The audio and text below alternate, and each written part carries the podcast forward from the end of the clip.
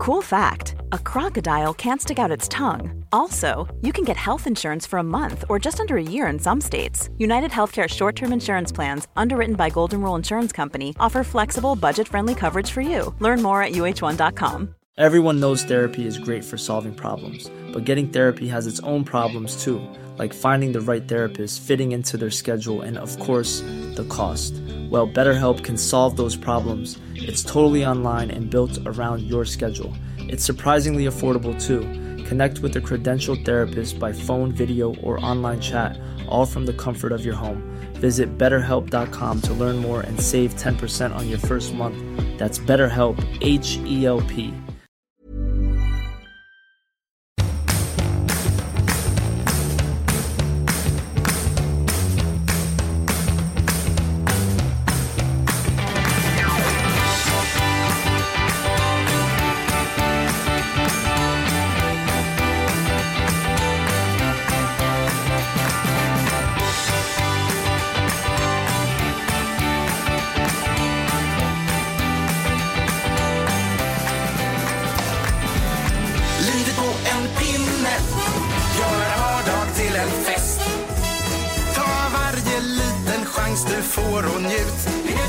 Livet Liv på en pinne.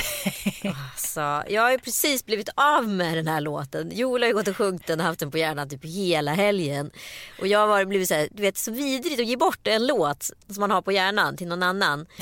Och nu har jag fått den och så har jag precis blivit av med den och så kör du igång den som det första du gör på morgonen. Jo jag vet men du såg ju inte på Melodifestivalen som jag gjorde. Jo, jag såg resumén. Okej då. Ja. Men du älskade hans förra hit. Eh, man festar, festar man och då festar man rejält, ja. tycker, vi, tycker vi tar ett litet smakprov där också. Tycker att när man festar, festar man och då festar man rejält. När man festar, festar man och då festar man rejält. När man festar, festar man och då festar man rejält. När man festar, festar man och då festar man rejält. Nej men Edvard Blom. Ja, Edvard Blom. Ja, jag satt ju hemma då eh, med mina sjuka barn. Tittade på Melodifestivalen. Mm. Du får ju det låta som du är den enda kvinnan på jorden som har varit hemma och vabbat. Men så många dagar nu. Ja, det brukar vara så på vabb. Ja men alltså de är så sjuka. Ja, De bara sitter där som två så här desillusionerade gubbar och bara så här, tittar ut i luften. jag så. tänker alltid på Manne Forsberg som hade 132 vabbdagar en vår för några år sedan. Nej, Jo, förstår du? det är inte konstigt att folk skiljer sig innan barnen är två år tycker jag. Ja, hur var det på din lilla fredagshousewarmingen? Ja, men alltså det var trevligt men grejen är så här. Jag är en person som tycker det är väldigt kul att gå på fest. Jag tycker det är roligt att hosta en fest ifall jag själv slipper vara arrangören. Alltså jag har inga problem att ha en fest på en restaurang eller sådana saker. Då tycker jag till och med att det kan vara jätteroligt att stå i centrum och få ihop folk. Jag tycker det är så himla kul att människor möts. Men att här, ha en fest hemma, det är en sån stressig ansats för mig. Så jag, jag, liksom, jag njuter nästan inte. Men sen blir det ju, blev det ju super, super lyckat. Och lägenheten är verkligen en bra lägenhet att ha små tillställningar i. För det övre planet är så otroligt stort. Liksom, så att man förstod inte innan hur mycket människor det sväljer. När man så här, tänker sig, gud ska jag få plats 30-40 pers här, hur ska det gå? Så inser man att det är inga problem alls. Liksom, det var väl ungefär mellan 25 och 30 personer där och det var ganska lagom tycker jag. För det var aldrig så här, inget gick sönder, ingen blev för full, alla gick hem i tid och det var liksom oerhört trevlig stämning. De som har lite problem med det sociala, som inte kanske har lika lätt eller inte kanske kände någon, de körde vi lite så här lekar med så att de fick en naturlig koppling till varandra och så mixade upp lagen. Det är ett smart sätt att göra det på. Och så de som redan känner varandra satt ju och minglade och snackade liksom.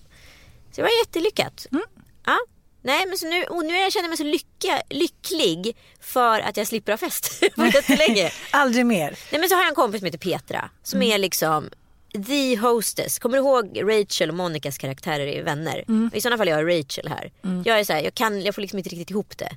Det är en stor ansats för mig att ha fest att jag ska så här, utsätta mig för det här. Sen är det, blir det alltid bra när jag har det men det, det, det är långt dit liksom psykologiskt. Men jag tycker det är så otroligt att, att det finns de som tycker att det är så otroligt roligt att förbereda en fest. Ja men också hon gör ju så här, hon har en jättestor trevlig lägenhet på Östermalm. Och då så bjuder hon hem sina 50 tajtaste tjejer på en tjejbrunch. Och så har hon liksom hyrt in lite långbord och sen så har hon lite caterad mat. Och sen är det klart. Och så är det någon som kommer och städar. Det behöver ju inte vara krångligare än så. Nej, om man har lite vet. budget. Det är det jag menar om man har lite budget. Men jag tycker också det är fascinerande som när jag var på Marias eh, tjej, liksom, eh, vad ska man säga, innan jul där. Och hon bjöd på mat och dryck Maria?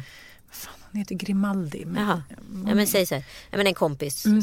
Ja men som när jag var på en, en kompis eh, tjej liksom julfest då där vid jul och så kommer man dit så är allting så här toppnotch, världens godaste soppa, världens godaste nudelrullar, alltså allting var så otroligt gott och så säger hon så här, men det här har jag gjort själv. Och då tänker jag så här, men gud om jag skulle gjort allt det hon hade gjort, det hade ju fan tagit tre veckor. Ja, Hon bara, jag tycker det är så roligt. Och tänker så här, vad är det som är roligt? men alltså det här är också ett problem för att jag kommer ihåg att det hade inflyttningsfest på Vallalavägen och då hade jag liksom en kock som stod där. Jag hade caterad mat och det var liksom hur mycket grejer som helst. Och sen så dök ju som vanligt som det alltid är på housewarmings eller inflyttningsfester hälften av gästerna upp.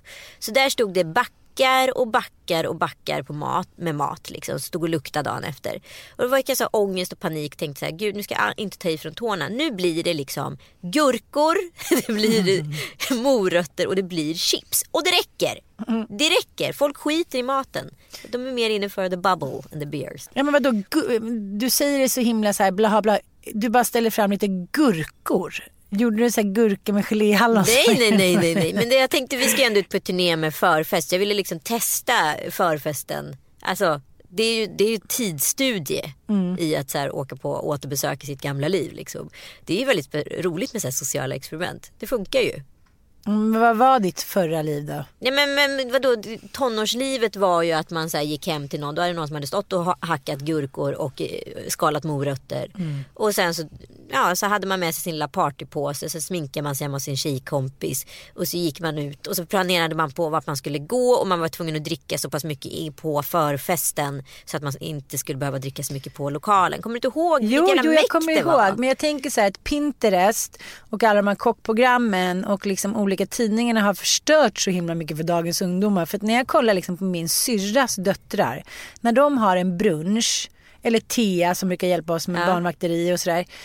När de har sina bruncher, då ser det ut som liksom en bild i så här L, mat, mat och vin. Liksom. Mm. Det är så här, och det är små olika liksom pocherade bla bla bla och det är lax och det är olika liksom bakverk och det, jag fattar inte, det är helt sjukt. De är så här 17-18 år och gör grejer som jag inte ens skulle kunna liksom fantisera om att göra om jag så blev 150 år. Nej men alltså det är helt otroligt. De har sån jävla ambition. Ja, jag Ja. fattar inte så att de mäktar med att stå. Nej, men det, det är en sån skevhet. Skit i det nu, skit i det nu. Jag måste prata om min nya besatthet. Jaha. Edvard Blom. Vet ju jag att du känner honom lite. Ja. Ja men hur då? Ja, Men jag var ju med och hittade honom. Du hittade honom, var hittade man honom? Men han... Eh, Åh, han är som Barbapappa. Han var ett litet frö i marken och så växer ungefär så riktigt. jag vill att det Nej, ska jag satt i ett arkiv på, på näring, Svensk Näringslivshistoria och var arkivarie. Och sen så, så hade vi en journalist på TV8 som heter Peter. Eh, och han hittade honom och gjorde ett reportage med honom. Och sen så insåg vi att han är alldeles för bra för att sitta där. Vi måste göra ett program med människan. Det Mm. här går ju inte. Så det var jag och Thomas Hall och Peter, eh, gud vad heter han i efternamn? Ja, Andersson tror jag. Eh, som, eh, vi, det var vi som liksom gjorde det här med, med Edvard Blom. Och sen, sen blev liksom Edvard Blom Edvard Blom. Jo jag vet, men Edvard Blom är ju... Jag tycker fortfarande att det, program, det programmet som vi gjorde är det roligaste han har jobbat med. Vad heter det? Mellan skål och vägg. Mm, bra namn. Mm. Hörde jag skål? Ja, och vägg. Du får inte prata om det utanför väggen. Aldrig, aldrig. Nej men vi måste ta Edvard Blom för att han är så här en...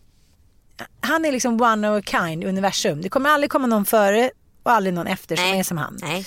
Och det också att han är så bjussig när han berättar om sin uppväxt då. Han blev liksom kallad in till eh, sjuksköterskan och så här, att han var för tjock och han blev slagen och mobbad. Och, nej, men att han liksom ändå så reser på sig, liksom torkar bort dammet och blodet och bara fortsätter att bli den han alltid har drömt om att vara. Men vadå drömt om att vara? Jag tror att han är så här, han föddes i en fast form och han vet ingen annan. Barbapapa. Ja, men, nej men bara pappa är ju föränderlig. Men liksom Edvard var ju liksom Edvard. Alltså från att han föddes. Alltså det är ju väldigt få människor. Jag tänkte verkligen på det. Det var Joel som frågade mig. För, man, för förr i tiden så var ju musik den stora liksom, drivkraften till mode. Så att man bytte ju stil efter musikgenre som man Ja. gillade. Och då var det ju så att man lyssnade på en Grunge. genre. Men du var ju en grunge eller så var du en punkare och så vidare. Han bara, gud vad du känns schizofren. Du har haft så otroligt många olika klädstilar. Man bara, här, nej nej men det var så det funkar på 90-talet. Ja! Det är ingen som fattar det som har vuxit upp idag. De tycker liksom att så här, ja, men, eh, Kelly Clarkson är en identitet. Hon är ingen identitet musikaliskt. Alltså, då var det ju man en nisch. Man var sin nisch man lyssnar på. Eh, men Edvard Blom föddes ju som Edvard Blom.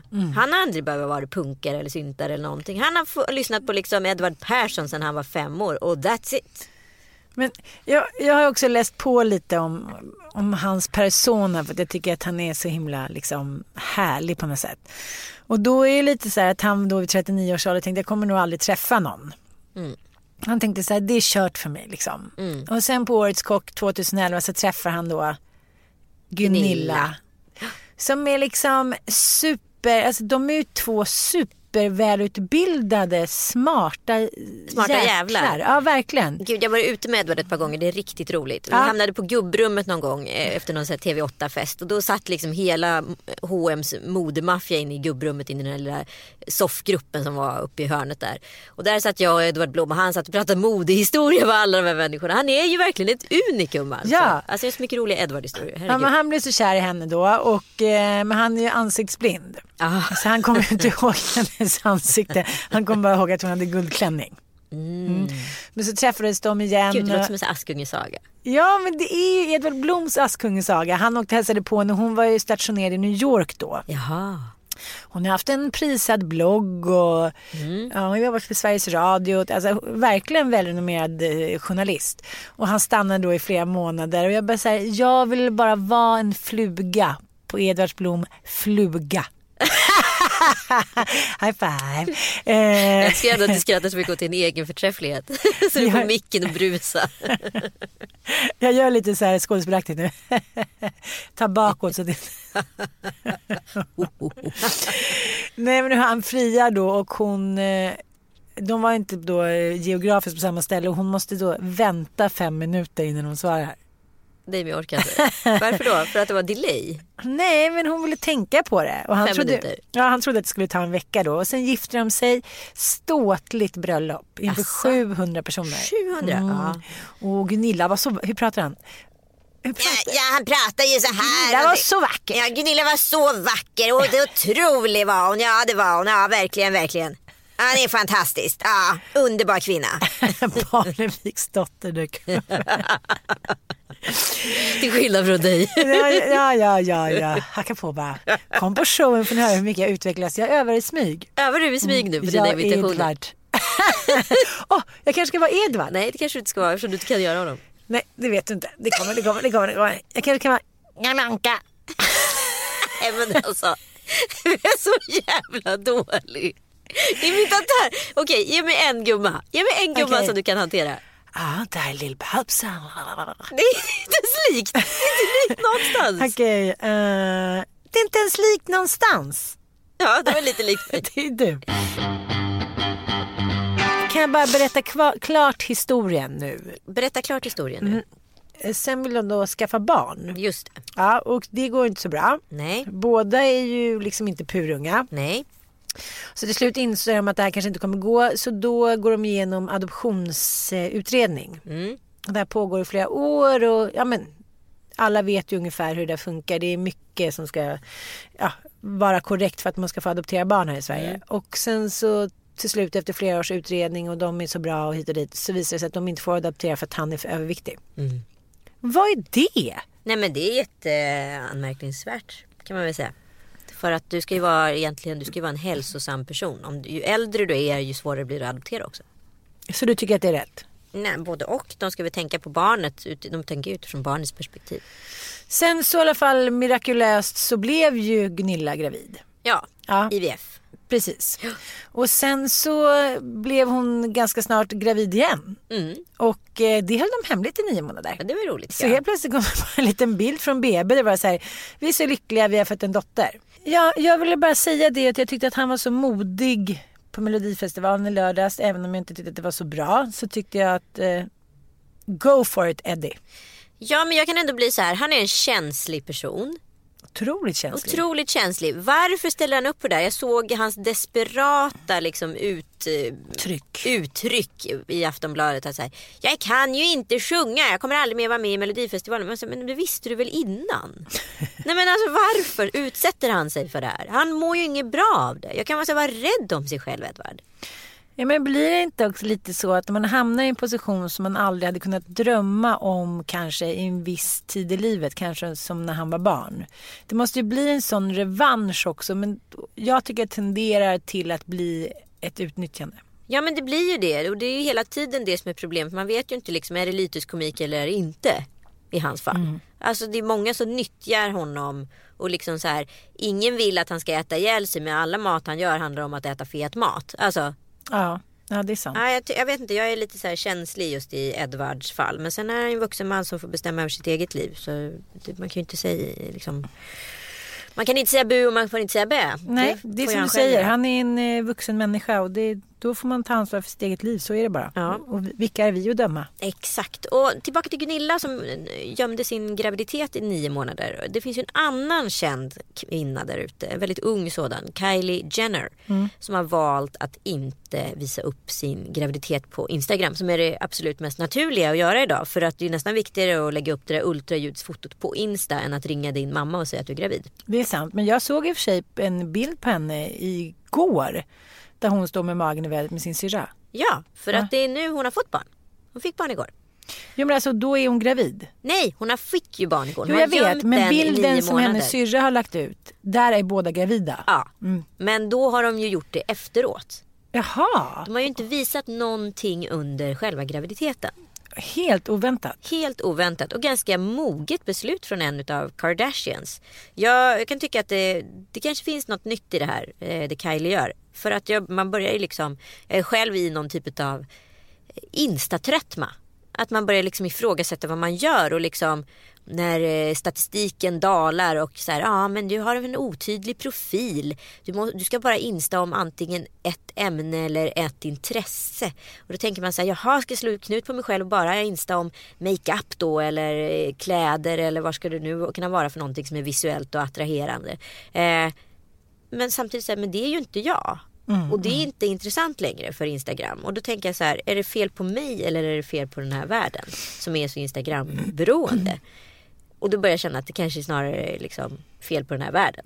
Men det är så otroligt tydligt när man är gravid. Ja. Och eh, instagrammar hur kontot bara skjuter i höjden. Ja, ja, ja. Ja. Det är ju typ det bästa som kan vara, hända för en instagrammer. Mm. Men just i Kylie Jenners fall som är en av de största instagrammarna så kanske inte graviditeten var så viktigt. Hon kanske inte är mer följare hon just vill ha. Och jag tycker hon har gjort ett ganska modigt eh, och eh, moget beslut. Hennes syrra Kim Kardashian trodde jag nämligen eh, hennes konto hade blivit hackat för någon vecka sedan. För hon la upp eh, kompletta liksom, nakenbilder på sig själv. Blur, blurrade bröstvårtor men det såg ut som hemma plåtade porrbilder om jag ska vara riktigt ärlig. Ja, jag håller faktiskt med dig. Ja. Ja. Och då undrar jag så här, ja då tänker jag att Kim inte kanske är så lycklig i sin relation och vill ha väldigt mycket bekräftelse. Och i just Kim Kardashians fall när det kommer till bekräftelse så har hon ju ganska stor sjö att ösa ur.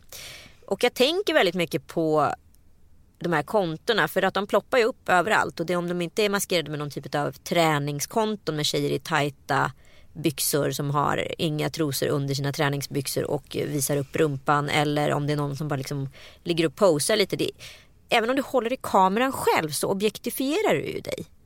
Alltså du objektifierar dig ju genom att visualisera dig på ett traditionellt sätt som män tidigare objektifierat kvinnor. Och jag vet inte om det är så mycket girl power att hålla i kameran själv när du fortfarande exponerar dig på ett, på ett objektifierande sätt. Och då finns det ju så här, då är ju den stora frågan, kvinnor kanske vill objektifiera sig. Men det som jag inte riktigt förstår är ju varför är det så många kvinnliga följare som tycker om att kolla på Kim när hon kör lite så här porraktiga bilder där hon sitter med brösten i vädret eller putar med rumpan. Men det tycker inte jag är så konstigt. Alla tjejer har alltid jämfört sig med andra tjejer. Du har ju kollat på fotomodeller. Du har inte varit intresserad av supermodeller på 90-talet ifall du inte var så här inspirerad och fascinerad. Dels av deras kroppar, dels av deras liksom power och så här skönhet. Alltså det är ju så här tre starka kanaler. Alltså det lurar ju reptilhjärnan. Jo, jo, men jag tycker att det är lite skillnad på att se så här Emma Wiklund stå i så här sportig liksom bh på en så här vacker Herb bild till skillnad mot så Kim Kardashian som faktiskt är som du säger uppenbara så här porrkänslebilder. Ja men grejen är ju allting har ju suddats ihop. Det är det här Ja. som har skett med den nya tiden. De här uttrycken går ju ihop. En, förut kunde du se det här är en professionellt tagen modebild. Idag kan ju en, liksom en ung eh, influencer lägga upp en lika snygg bild som Ebba Sjöberg gjorde med Herb Ritz hjälp. Liksom. Ja, jag vet, Ja. jag vet. Men om hon då sen så visar bröstvårtan i den här som sen är blurrad utav Instagram. Då har du ju lagt ihop porr och estetik. Ja. Och där har, ju liksom, där har ju gränsen förskjutits eller snarare sagt suddats ut. Jo, ja, men grejen är ju att jag förstår mig inte riktigt på det för det rimmar så otroligt illa med så här, den senaste tidens kamp. Liksom. Ja, Men du själv Me lägger upp bilder på dina bröstvårtor då och då. Ja. Mm. Varför gör jag det då? Det vet jag inte. Men ibland har jag missat dem. Ja, det är, jag jo men om vi tar bort, om vi tar bort skämt, skämtgrejen. Du, lägger upp, du säger att du gör det medvetet för att du vill så här, få en reaktion. Ja, men jag, jag tror att det handlar om det där som du pratade om innan. Att man så här, eh, om man placerar sig själv i ett fack. I det här fallet då kvinna med ammande barnfacket. Mm. Jag har ju aldrig lagt ut någon bild när jag inte haft med mig en bebis. Nej. Nej. Men det är Eh, fortfarande ett sätt att få bekräftelse. Absolut, absolut. Men jag tror också att det är så här. Äh, dels så kan det vara ett rop på hjälp, kanske inte just i mitt bröstvårtefall. Eh, rop på hjälp, att någon ska se mina långa bröstvårtor. Men jag tror också så att när man är där och så här, man ska gräva lite där man står. Man ändå har ett Instagramkonto, man är så här, man vill fulfill sitt behov av att bli sedd och hörd.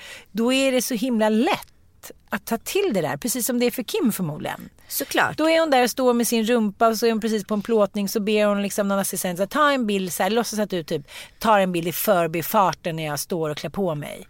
Som en utav bilderna. Mm. Den skulle vi kunna eh, lägga på eh, omslaget då till den här podden. Mm. Där det ser ut som lite så här, ah, men lite förbifarten, hon står och blir lite fixad av en assistent och så, så, ah, och så är hon bara så här, hennes stora rumpa. Och det ska vara lite som så här, vi käkar semla med mjölk. Mm. Och när, när tillräckligt många har gjort på det där sättet tillräckligt många gånger då är det som att käka semla med mjölk. Och då måste man ju gå vidare. Så det är det det handlar om. Att allt det vi gör gör att vi hela tiden måste gå ett steg till för att få uppmärksamhet. Ja men då tänker jag så här, vad, för här skulle jag i alla fall om, eh, om jag skulle göra en sån här grej som Kim Mm. har gjort. Då skulle Joel tycka att så här, okej vad fan håller du på med? Men du gjorde ju det här veckan. Du la ut en nakenbild på dig själv som du tog bort. Ja men jag blev så oerhört äcklad utav hela upplägget. Tanken var ju att, att den skulle just plockas upp för att den skulle bli jag skulle hitta den på en annan sajt. Alltså det var tanken liksom. Att jag ska se hur kommer min kropp att användas i det här forumet. Men när, när, jag har legat uppe i två timmar och jag såg att den var nersparad 143 gånger. Då kände jag bara så här, nej, nej men det går inte. Ja, nedsparad. Ja, det blir för äckligt. Det blev för äckligt. Så jag var tvungen att ta bort den. Eh, men om jag skulle fortsätta lägga upp så bilder på det sättet som Kim gör. Då undrar jag så här. Det är nästan otrohet. Förstår du? Men jag måste bara säga till ditt försvar. Den bilden du la ut, den tyckte jag var väldigt vacker. Den var så här estetisk. Man såg ingenting. Och Nej. man, ja. Men den var, ja, Men det var ändå, en, Ja. det var ändå en, en bild som liksom snuddade på någon typ av gräns. Ja. Och långt över min gräns. precis. Och den var ju inte bara sensuell. Nej, alltså jag var- visade ju egentligen mer, jag visade egentligen mer vad heter det, bröst i en ren bikini än vad den bilden visade. Men det fanns ändå en sexuellare ton Mm. i den bilden. Men jag tycker det är jävligt spännande det där med bikinin. Bikinin, liksom på något sätt så är bikinin en sköld och ett skydd för allting. Har du bikini, då är du en sportig tjej som kan göra lite vilka poser, lite vad som helst. Har du tänkt på det? Alla bikinikonton. Ja men det är hur mycket bikinikonto som helst. Det är det jag säger att gränsen har förskjutits. Och jag tror som sagt inte längre att så här, tjejer vill exponera sig. Jag tror att de vill objektifieras. Jag tror att de vill vara ett kuttersmycke. Jag tror inte det kommer komma, alltså så här, metoo i all ära. Men det går inte. Alltså kvinnor vill liksom bli sedda på ett traditionellt sätt utav män. Och det är så jävla sorgligt på något sätt. Sen kan vi låtsas att vi håller i kameran och det är så här, fuck you, i min kropp, jag bestämmer hej och hå. Fast om vi gör det på samma sätt som vi har gjort det tidigare, vad fan är skillnaden?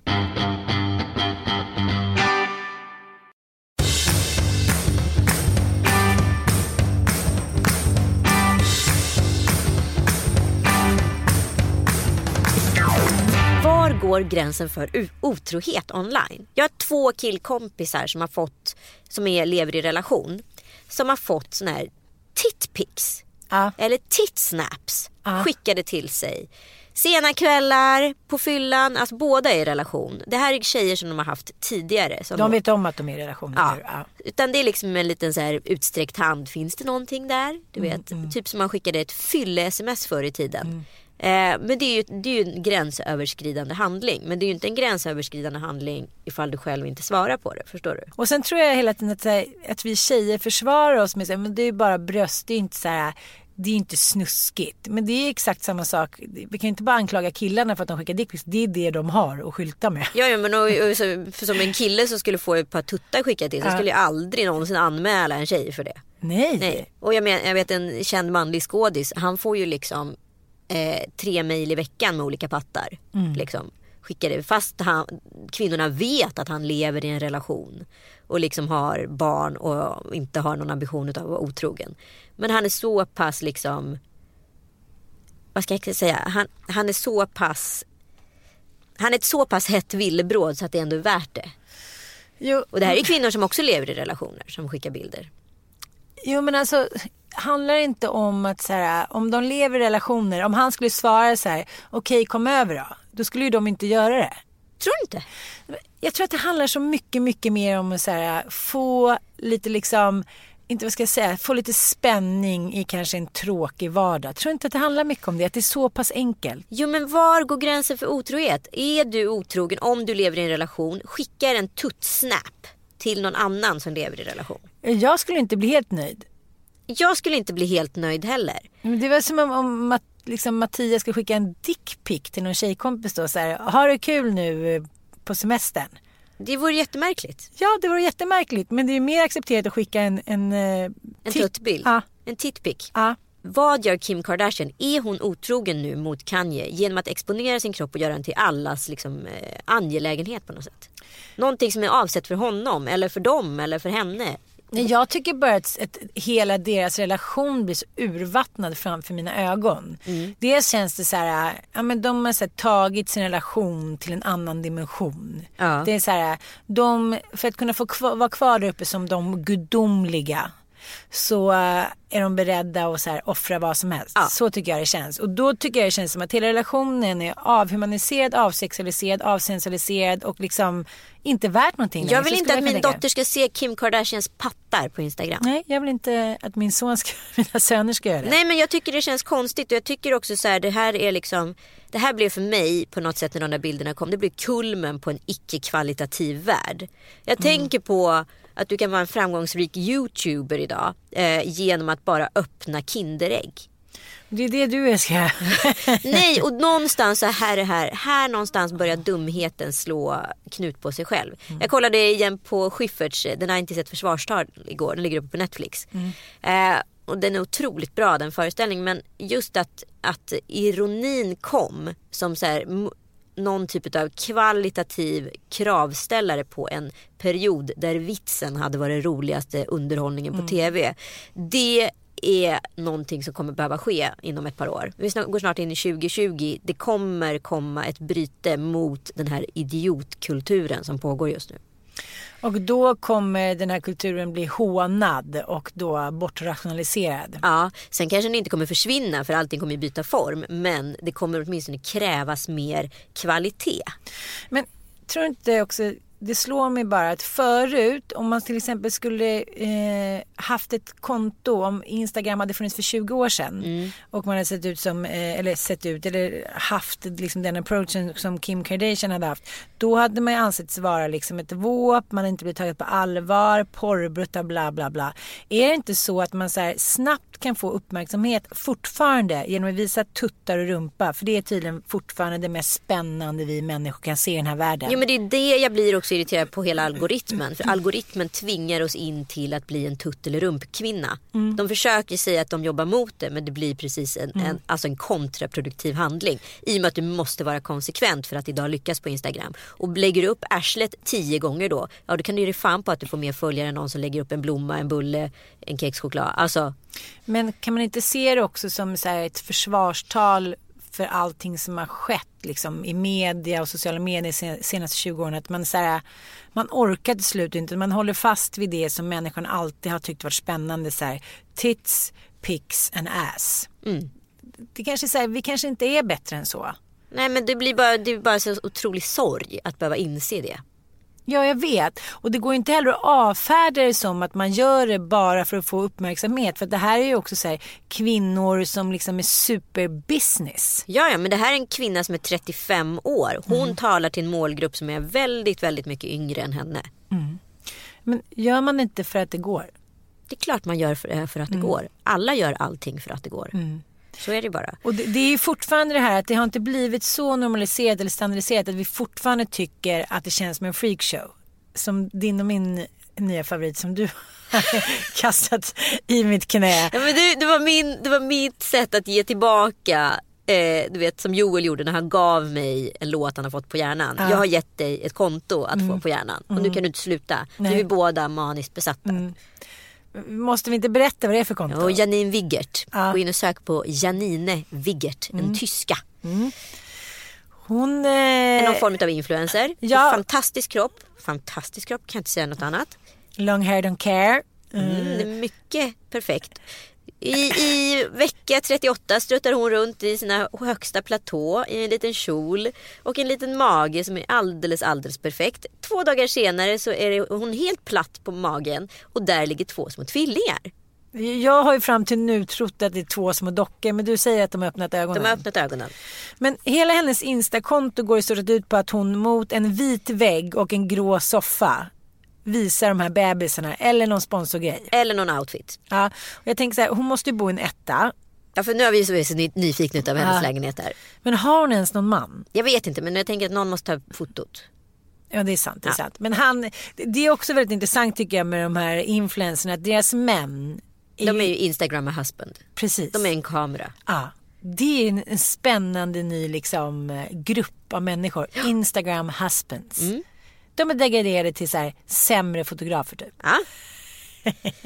Ta en bild på mig nu, ta en bild på mig när jag gör det här. Men, men det är säkert så här, det är att allting blir ju man vet ju inte om det är på riktigt eller inte. Det är det som också jag tror gör att det tenderar till att bli så fascinerande. Man behöver inte växa upp för man kan liksom vara inne i den här världen. Så här. Är det, hur mycket liksom, är det Kims rumpa? Är det inte Kims rumpa? Är det hennes barn? Alltså, Ja, jakten. Nej, men alltså, hon, Janine, jakten på sensation Ja. är ju fortfarande lika påtaglig. Ja men och Janine ser ut som en perfekt Barbie-docka som har fått två små. Det är som när, det är som när Barbie fick Skipper. Ja. Förstår du? Det är, det är Barbie som har fått Skipper och liksom eh, tvillingen där.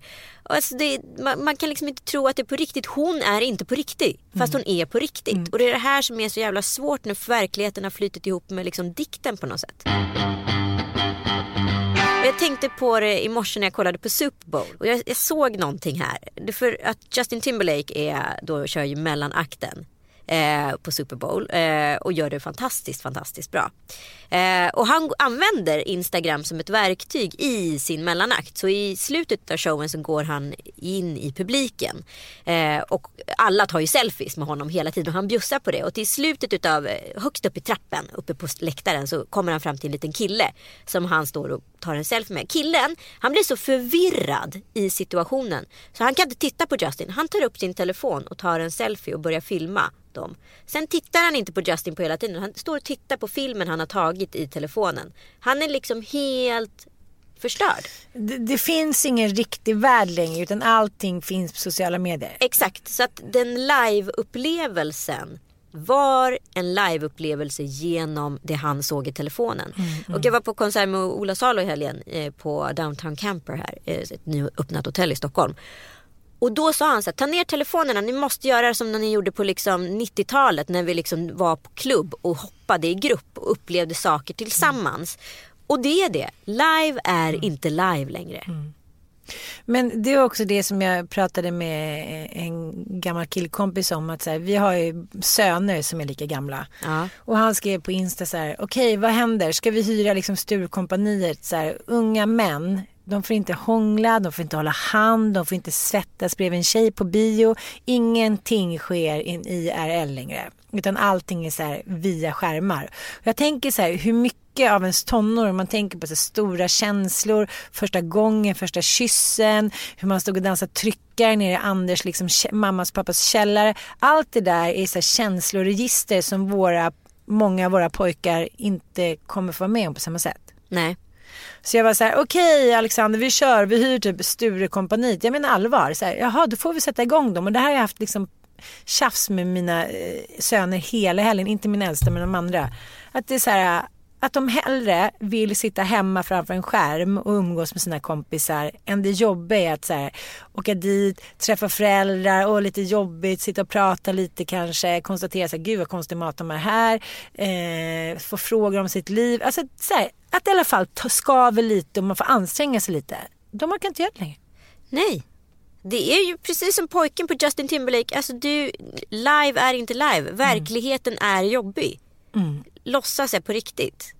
Men gud, du, så här, jag tänker på framtiden. Det här kan ju leda till liksom färre barn.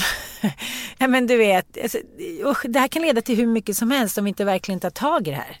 Nej men så kommer det ju vara. Men alltså det är därför man så här måste lägga liksom lite tro till VR. Även om det blir ett, ett sätt att ännu mer skärma bort den.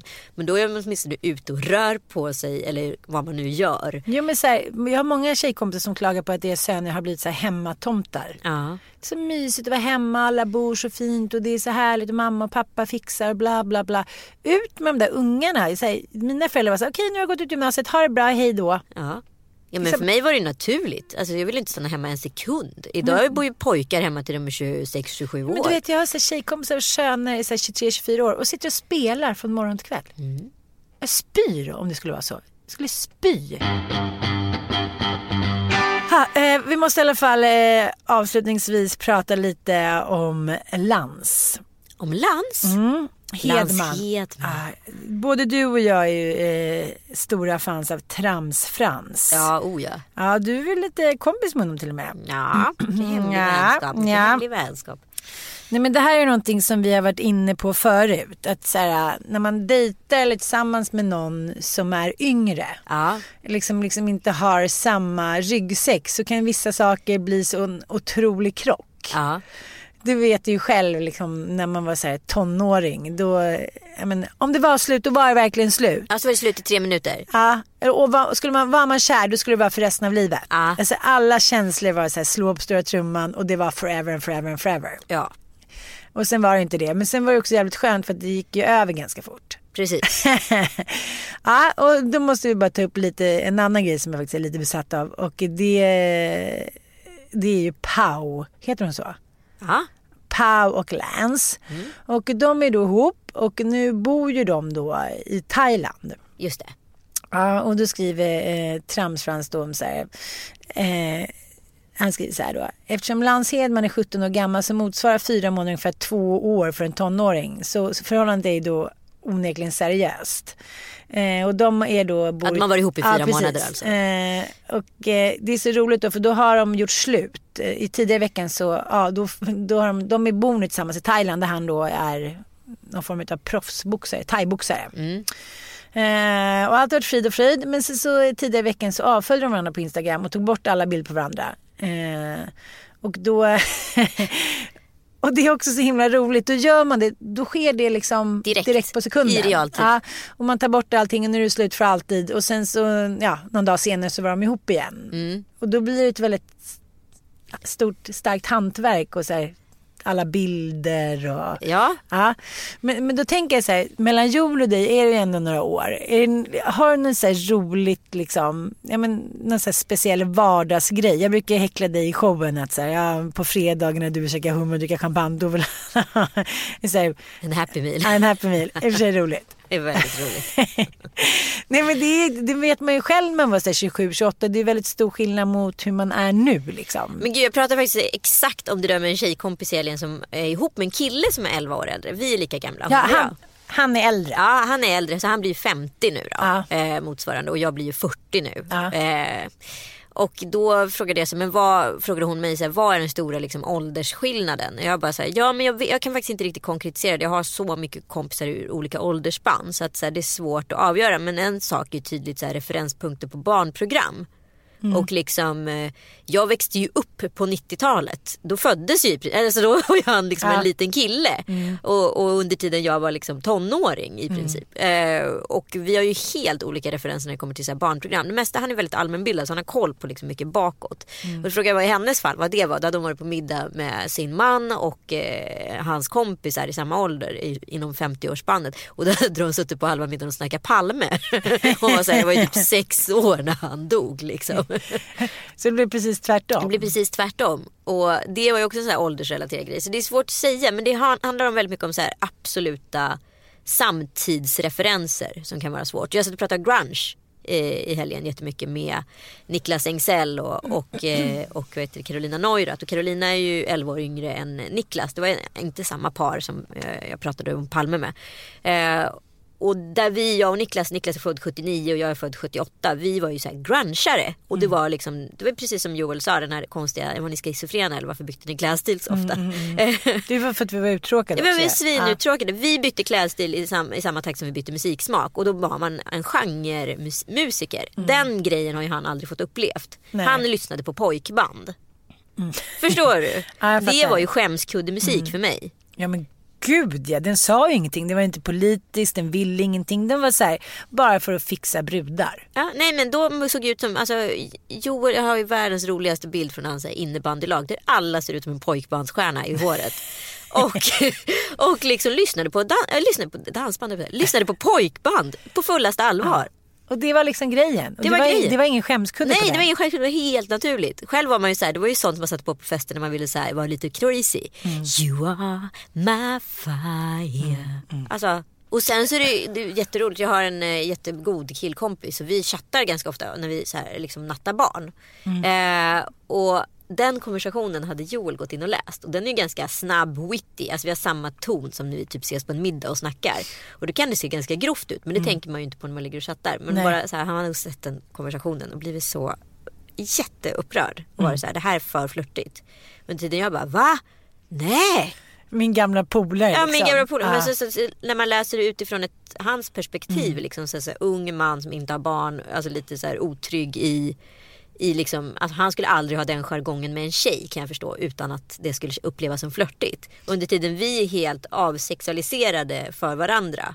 Förstår du? Ja, men jag vet, jag Ja. vet. Men det där tycker jag är så fel tänkt av dig. För så där är ju jag också. Ja. Att jag, ta till exempel jag och Nisse. Ja. Om vi sitter och chattar. Du vet. Sen så, du vet, några veckor senare kan jag kolla på det. Så här, nej men vad Ja. Och det skulle jag läsa något liknande att Mattias hade gjort det med någon gammal tjej yngre tjejkompis och bla bla bla. Då skulle jag säga, men det här är inte okej. Så att jag tycker att det finns någonting hos både dig och mig som liksom, det vi gör. Men vad då? det måste väl du förstå att det är helt bla bla bla. Hur ska du kunna förstå Nej! det? Och jag läste konversationen efteråt när han hade reagerat på den. Jag bara såhär, fan det här ser inte okej ut. Nej. Jag var tvungen att erkänna det. Jag bara så det här är liksom, jag fattar att det här upplevs skitkorkigt. Men det gick också av bara farten för att det är ett tugg som ni har utvecklat under många år. Det är en jargong som egentligen inte är okej. Varför måste man ha den där jargongen? Nej men jag vet inte. Samtidigt så blir det ju... Ah, gud, jag ska inte försvara det.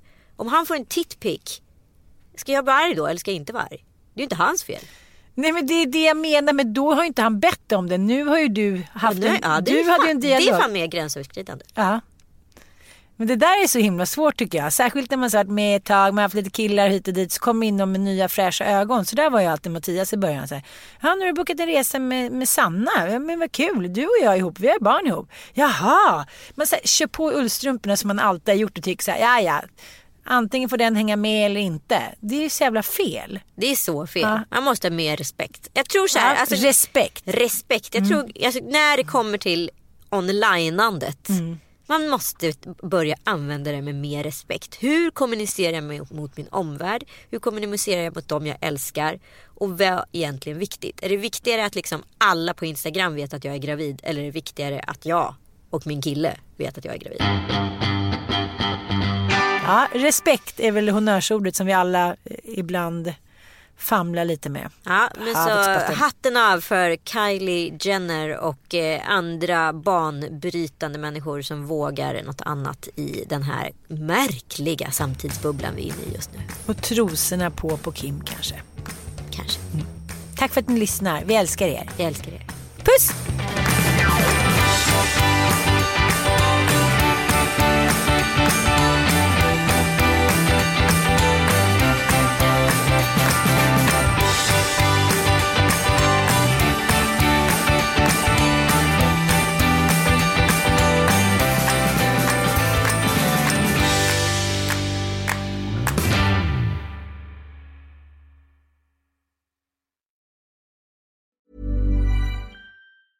Planning for your next trip? Elevate your travel style with Quince. Quince has all the jet setting essentials you'll want for your next getaway, like European linen, premium luggage options, buttery soft Italian leather bags, and so much more. And is all priced at 50 to 80% less than similar brands. Plus, Quince only works with factories that use safe and ethical manufacturing practices.